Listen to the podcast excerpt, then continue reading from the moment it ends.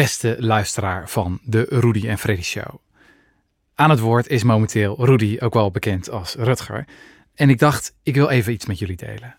Misschien is het jullie bekend dat wij niet alleen een podcast maken, oftewel nou ja, om de week, om de twee weken, een of ander lang verhaal bij elkaar leuteren. Nee, wij schrijven ook stukken, Jesse en ik. En ik dacht, misschien is het wel eens leuk om zo'n stuk voorgelezen en wel met jullie te delen. Want dat is namelijk de basis voor ons, de journalistiek waar we het allemaal voor doen. En die jullie trouwens, nu kunnen ineens op kom, ook kunnen steunen. Als je lid wordt van de correspondent, dan maak je dit soort verhalen mogelijk. Het is voor ons echt de basis, het is thuis. Het is ook wat uiteindelijk de podcast mogelijk maakt. Wij hebben een podcastkanaal waar je al onze audioproducties kunt vinden. Die heet gewoon De Correspondent. En we hebben ook nog een apart kanaal trouwens als je alleen onze voorgelezen verhalen wil volgen. Dat heet De Correspondent leest voor. Maar ik dacht, ik deel dit verhaal ook eens een keertje in dit kanaal. Met de oproep daarbij, word lid. Maak meer van dit soort stukken mogelijk. Dankjewel. Er is een citaat van de antropoloog Margaret Mead waar ik vaak aan moet denken. Twijfel er nooit aan, zei ze, dat een kleine groep van weldenkende, toegewijde burgers de wereld kan veranderen. Het is namelijk nooit anders gegaan. Einde citaat. Dit klinkt als een vrolijke lijfspreuk voor idealistische wereldverbeteraars, maar het is een brute constatering. Let vooral op die laatste zin. Het is namelijk nooit anders gegaan. Eigenlijk zei Mead dat de meeste mensen aan de zijlijn staan. De meeste veranderen de wereld niet en worden vergeten omdat er weinig te herinneren valt. De mens is, laten we eerlijk zijn, van nature een kuddedier. De meeste leven ons leven zoals dat van ons wordt verwacht. We doen wat ons wordt voorgedaan, we pakken wat ons wordt aangereikt, we geloven wat ons wordt wijsgemaakt. Ondertussen voelen we ons misschien vrij, maar in feite volgen we het script dat hoort bij ons soort leven.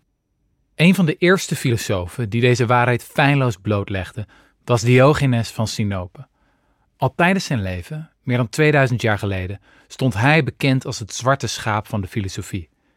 Diogenes moest weinig hebben van beschaafde regels en mensen die ze achterloos volgen. Hij poepte in het theater, masturbeerde op straat en piste op mensen die hij niet mocht. Letterlijk.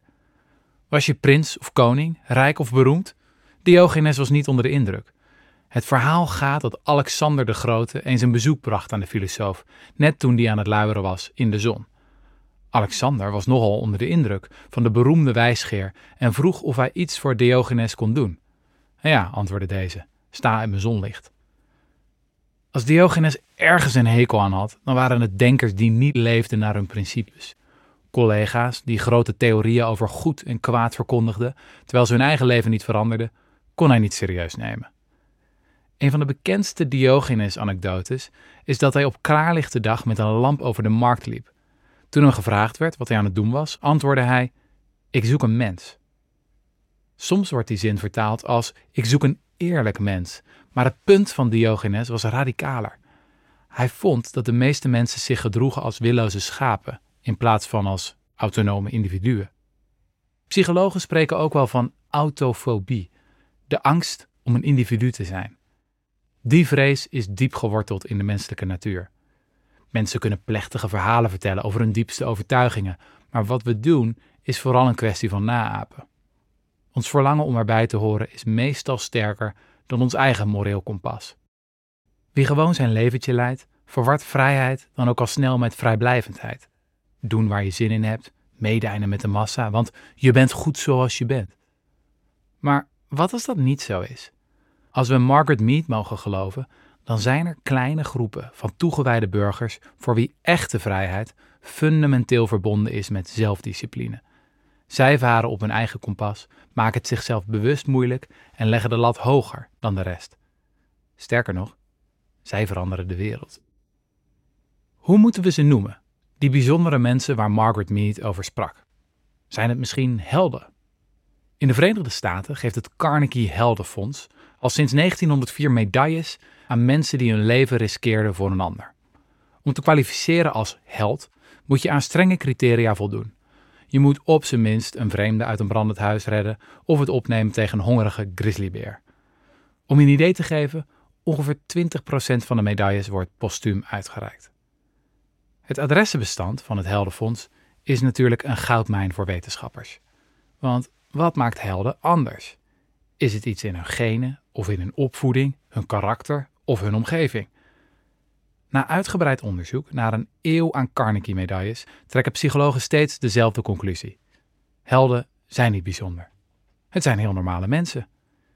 Ik deed gewoon wat ik voelde dat ik moest doen, zei een 70-jarige man die in een brandende auto klom. Ik ben blij dat ik iets kon doen en er niet over nadacht, zei een 21-jarige vrouw die een man uit een zinkende wagen trok. Ik denk dat het gewoon mijn instinct was, zei een 60-jarige man die voor een meisje sprong dat werd belaagd met een mes. Helden handelen eerst en denken later. Het is opvallend, merken twee psychologen op, dat onze brute instincten en niet onze gevierde hogere cognitieve vermogens tot zulke morele daden leiden. Je kiest er niet voor om een held te worden. In feite is een Carnegie-medaille iets dat je overkomt. Als helden achteraf wordt gevraagd of ze zich een held voelen, antwoorden ze vrijwel altijd ontkennend. Ieder ander had hetzelfde gedaan, zeggen ze dan. Misschien dat we ze juist daarom zo graag op een voetstuk zetten. Helden geven ons het fijne gevoel dat er een held schuilt in ieder van ons. Ja, zij hebben iets uitzonderlijks gedaan, maar verder zijn ze zo lekker gewoon gebleven. Helden zijn, kortom, gewone mensen die het goede doen in een buitengewone situatie. Maar dat zijn niet de figuren waar Margaret Mead het over had, de mensen die de wereld blijvend veranderen. De wereldveranderaar is eerder het spiegelbeeld van de held. Een buitengewoon mens die het goede doet in een gewone situatie. In het woordenboek zul je geen woord vinden voor zulke types, maar misschien dat radicaal nog het dichtst in de buurt komt. Radicaal komt van het Latijnse radix, dat wortel betekent. Een radicaal redeneert door vanuit haar principes en leeft daar vervolgens naar, ook als het moeilijk wordt. In bijna alles is de radicaal het tegenovergestelde van de held. Ze handelt niet in een opwelling, maar met voorbedachte raden. Ze komt niet louter in actie als het erop aankomt, want voor haar komt het er altijd op aan. Ze zegt niet dat anderen hetzelfde zouden doen, want ze ziet dagelijks bewijs van het tegendeel. Heldenverhalen zijn fijn om te horen, want ze betekenen weinig voor ons eigen leven. De kans dat we ooit iemand uit een brandend huis moeten redden is niet bijster groot. De verhalen van radicalen daarentegen zijn ongemakkelijk. We zitten voortdurend in precies dezelfde situatie als de radicaal en toch gedragen we ons heel anders. Radicalen zijn wandelende herinneringen aan ons eigen falen. Niet zo gek dus dat we helden medailles geven, terwijl we radicalen verketteren. Helden zijn bescheiden en bemiddelijk, radicalen zijn confronterend en onuitstaanbaar. Helden beschermen de status quo, radicalen veranderen de wereld. De volgende vraag luidt: hoe dan? Hoe kunnen radicale mensen het verschil maken? Op een planeet met 8 miljard zielen lijkt het logisch dat je weinig in te brengen hebt. Maar juist omdat de meesten maar gewoon een leventje leiden, kunnen kleine groepen van toegewijde mensen disproportioneel veel invloed uitoefenen. Om dat te begrijpen hebben we een lesje statistiek nodig. In 1906 deed de econoom en amateur tuinman Vilfredo Pareto een baanbrekende ontdekking. 80% van zijn erten groeide in 20% van zijn peulen. Oftewel, twee van de tien peulen bevatten meer erten dan de andere acht bij elkaar. In zijn economisch onderzoek zag Pareto hetzelfde. 20% van de Italianen bezat 80% van het land. Die 20-80 verhouding bleek voor nog veel meer zaken op te gaan en wordt tegenwoordig het Pareto-principe genoemd. De beste sporters scoren meer punten dan al hun teamgenoten samen. De ergste oorlogen eisen meer slachtoffers dan alle andere oorlogen bij elkaar. Virussen worden vooral verspreid door een kleine groep van superspreaders. Voor wie is opgegroeid in een democratie waar het volk zou regeren, kan het als een schok komen dat de meeste mensen aan de zijlijn staan. In het jargon van statistici, we gaan liever uit van een normale verdeling van de invloed. Teken een grafiek van zo'n normaalverdeling en je ziet een glooiende heuvel, ook wel een bell curve genoemd. Links de machteloze pechvogels, rechts de invloedrijke elite en in het midden het gros van de bevolking. De meeste mensen zouden in ieder geval een beetje invloed hebben. Maar volgens Margaret Mead is de realiteit niet normaal. De invloedrijkste mensen zijn niet twee, vijf of tien keer zo invloedrijk als gemiddeld, maar eerder honderd, duizend of een miljoen keer. In de statistiek wordt zo'n verdeling een power law genoemd. De bijbehorende grafiek ziet er niet uit als een heuvel, maar als een hockeystick. Links zie je de Google-meter die nauwelijks invloed heeft en rechts de kleine groep met enorme invloed. Wordt de wereld dan geregeerd door rijke elites? Zo eenvoudig is het niet.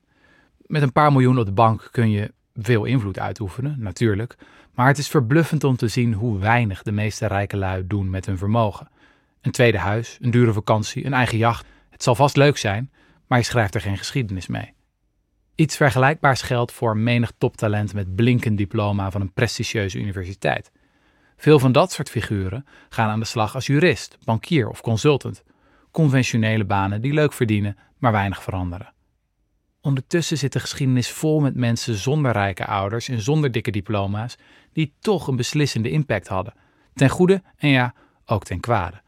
Denk aan die Oostenrijkse pseudo-intellectueel die werd afgewezen door de Kunstacademie van Wenen en uitgroeide tot een van de grootste dictators ooit, Adolf Hitler.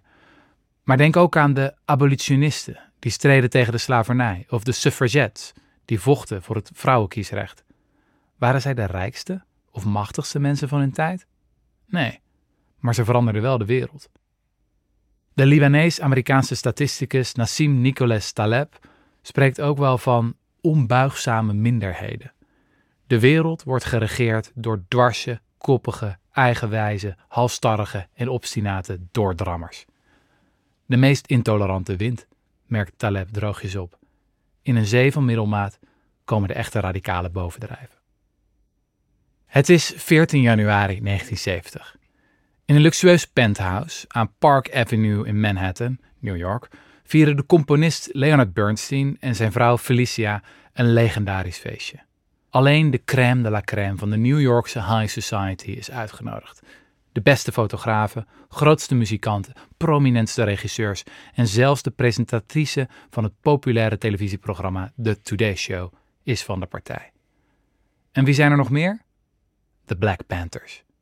Inderdaad, de leden van de militante zwarte organisatie die pleit voor revolutionair geweld en de omverwerping van het kapitalisme. Een van hen is net nog gearresteerd voor criminele hulpverlening.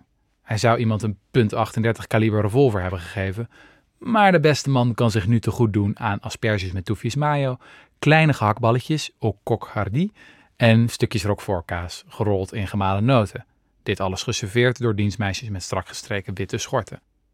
Die avond wordt er geld ingezameld voor de Panther 21, een groep zwarte activisten die worden beschuldigd van het voorbereiden van drie bomaanslagen. Ze hebben geld nodig voor een rechtszaak. Ik heb nog nooit een Panther ontmoet, roept een van de deftige dames aan het begin van de avond. Dit is de eerste keer voor mij. Al snel wordt er gul gegeven. 100 dollar, 1000 dollar. Gastheer Leonard belooft zelfs het honorarium van zijn volgende opvoering, de opera Cavalleria Rusticana van Pietro Mascagni. Schuurt er misschien iets? Is het niet een tikje hypocriet om in een peperduur penthouse te fantaseren over de revolutie van het proletariaat, terwijl je bediende de kringen van je Italiaanse designtafels wegen? Gastheer Leonard lijkt zich bewust van de, laten we zeggen, discrepantie. Hij vraagt een van de Panthers of die niet kwaad wordt van al die wilde. De marmeren hal, de schilderijen, twee concertvleugels, de liftbediende en de portier in hun strakke pakken. Maar nee hoor, de Panther heeft nergens last van. Nou, zegt Leonard, ik word er wel boos van. Een paar maanden later publiceert de journalist Tom Wolfe zijn iconische 29 pagina's lange verslag van de avond in het toonaangevende tijdschrift New York. Wolfe munt de term radical chic, waarmee hij de laatste mode onder de New Yorkse intelligentsia treffend samenvat. Radical chic is fantaseren over het einde van het kapitalisme terwijl je knabbelt op je rockvoorkaasje. Radical Chic is jaarlijks samenkomen in een Zwitsers skiresort om te babbelen over armoede en klimaatverandering en dan weer naar huis in je privéjet. Radical Chic, schrijft Wolf, is alleen qua stijl radicaal. Ten diepste maakt het deel uit van de maatschappij en haar tradities. Als in de krantenkolommen ophef ontstaat over het feestje van de Bernsteins, de New York Times wijt er zelfs een hoofdredactioneel commentaar aan, worden de plannen voor nog meer Panthers soirées haastig geschrapt. Radicaal is leuk, maar het moet niet te controversieel worden. En de Bernsteins? Na Wolfs genadeloze stuk weten hun vrienden niet hoe snel ze uit hun buurt moeten komen. Leonard vlucht in zijn werk, Felicia zakt weg in een depressie en sterft een paar jaar later aan kanker. Toegegeven, de Bernsteins waren een extreem geval. Maar het probleem dat hun verhaal blootlegt is natuurlijk veel breder. Het dappere verzet van heel wat zelfbenoemde radicalen blijkt in de praktijk maar een pose. Dan doe je net alsof je het heel zwaar hebt met je idealen, maar ondertussen ben je vooral bezig met het pleasen van de mensen in je eigen bubbel. Deugpronken noemen de Vlamingen dit ook wel. Voor echte radicalen gelden, denk ik, tenminste drie geboden. In de eerste plaats, practice what you preach. Praktiseer waar je mee pronkt. Niets is zo dodelijk als het ene zeggen en het andere doen. Ten tweede, ga door tot het pijn doet. Als je idealen geen offers vergen, stellen ze waarschijnlijk ook niet heel veel voor. En het derde gebod, doe wat werkt. Winnen is een morele plicht. Als het gaat over de vraag hoe radicalen de wereld veranderen, duurt het in deftige kringen nooit lang voor de naam van Joseph Overton valt. Overton was een politicoloog in de jaren 90 die zich afvroeg hoe in de loop van de tijd het ondenkbare onvermijdelijk wordt. Stel je een venster voor, zei Overton, waarbinnen de ideeën vallen die op een bepaald moment als acceptabel of zelfs populair worden gezien. Politici moeten binnen dit raam blijven, willen ze tenminste worden herkozen. Wil je daarentegen de wereld echt veranderen, dan moet je dat hele raam verschuiven. Hoe? Door aan de flanken te duwen, door onredelijk, onuitstaanbaar en onrealistisch te zijn. Of althans, dat is de theorie. De meeste dwarsdenkers slaan natuurlijk geen deuk in een pakje boter. De meeste drammers veranderen de wereld helemaal niet, met hun simplistische theorietjes over de vrijmetselaars en de Illuminati die in het geheim de wereld zouden besturen. Ja, radicale dromen kunnen werkelijkheid worden, maar dat wil niet zeggen dat koppig duwen aan de flanken altijd de beste tactiek is.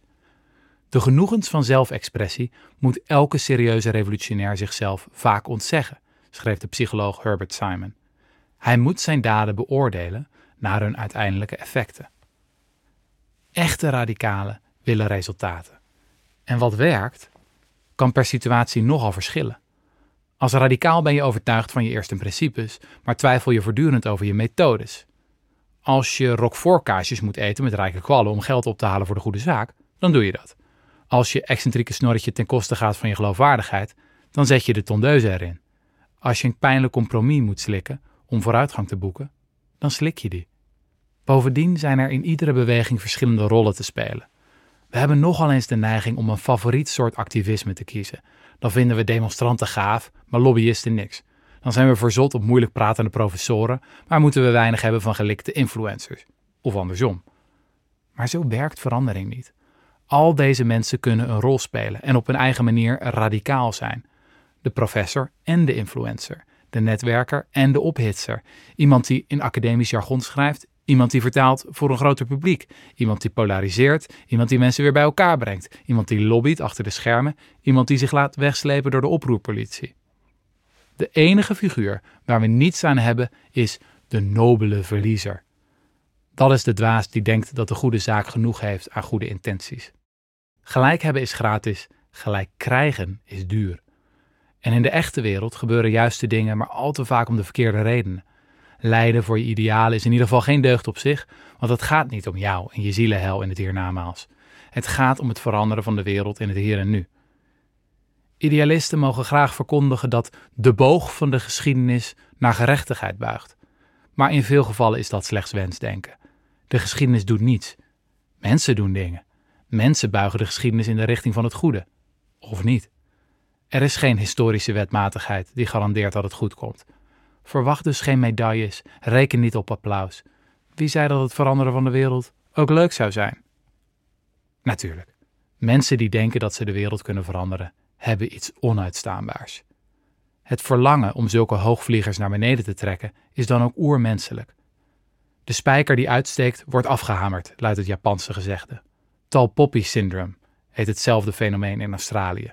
De maaiveldcultuur noemen we het in Nederland. in Scandinavië geldt de wet van Jante, met regels als je moet niet denken dat je speciaal bent. Je moet niet denken dat je beter bent dan wij. Je moet niet denken dat je meer weet dan wij. Je moet niet denken dat je ons wat kunt leren. En je moet zeker niet denken dat je deugt. Als er iets nog irritanter wordt bevonden dan ambitie en succes, dan zijn het morele pretenties. Wie zich beter gedraagt dan gemiddeld, kan al helemaal rekenen op spot, hoon en afgunst. Ook voor dit fenomeen hebben psychologen een term: do-gooder derogation. We hebben een hekel aan weldoeners die een treedje hoger staan dan wij. Wat moet je ermee als je daadwerkelijk een beter mens wil worden? en als je oprecht de wereld wil veranderen. Radicalen hebben wel eens de neiging om zichzelf minder radicaal voor te doen dan ze zijn, omdat ze anderen niet ongemakkelijk willen maken. En dat kan verstandig zijn, als je wil voorkomen dat mensen überhaupt niet naar je luisteren. Maar soms is onze vriendelijkheid juist het probleem. Soms staat ons verlangen om aardig te zijn in de weg van de waarheid en het goede. Ja, de meeste mensen deugen, maar de meeste mensen bewaren liever de vrede dan dat ze in opstand komen tegen onrecht. Gezelligheid wint het doorgaans van rechtvaardigheid. En als het waar is dat we leven in radicale tijden van klimaatverandering en pandemieën en groeiende ongelijkheid, dan hebben we ook meer radicalen nodig. Een tijdje geleden was het boek De edele kunst van not giving a fuck een wereldwijde bestseller.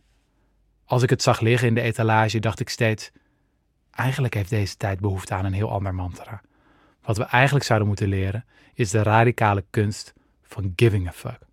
Zoals de toegewijde burgers van Market Mead ook hebben geleerd. Niet omdat we daar gelukkig, mindful of relaxed van worden, maar gewoon omdat het bittere noodzaak is. Omdat we de wereld moeten veranderen.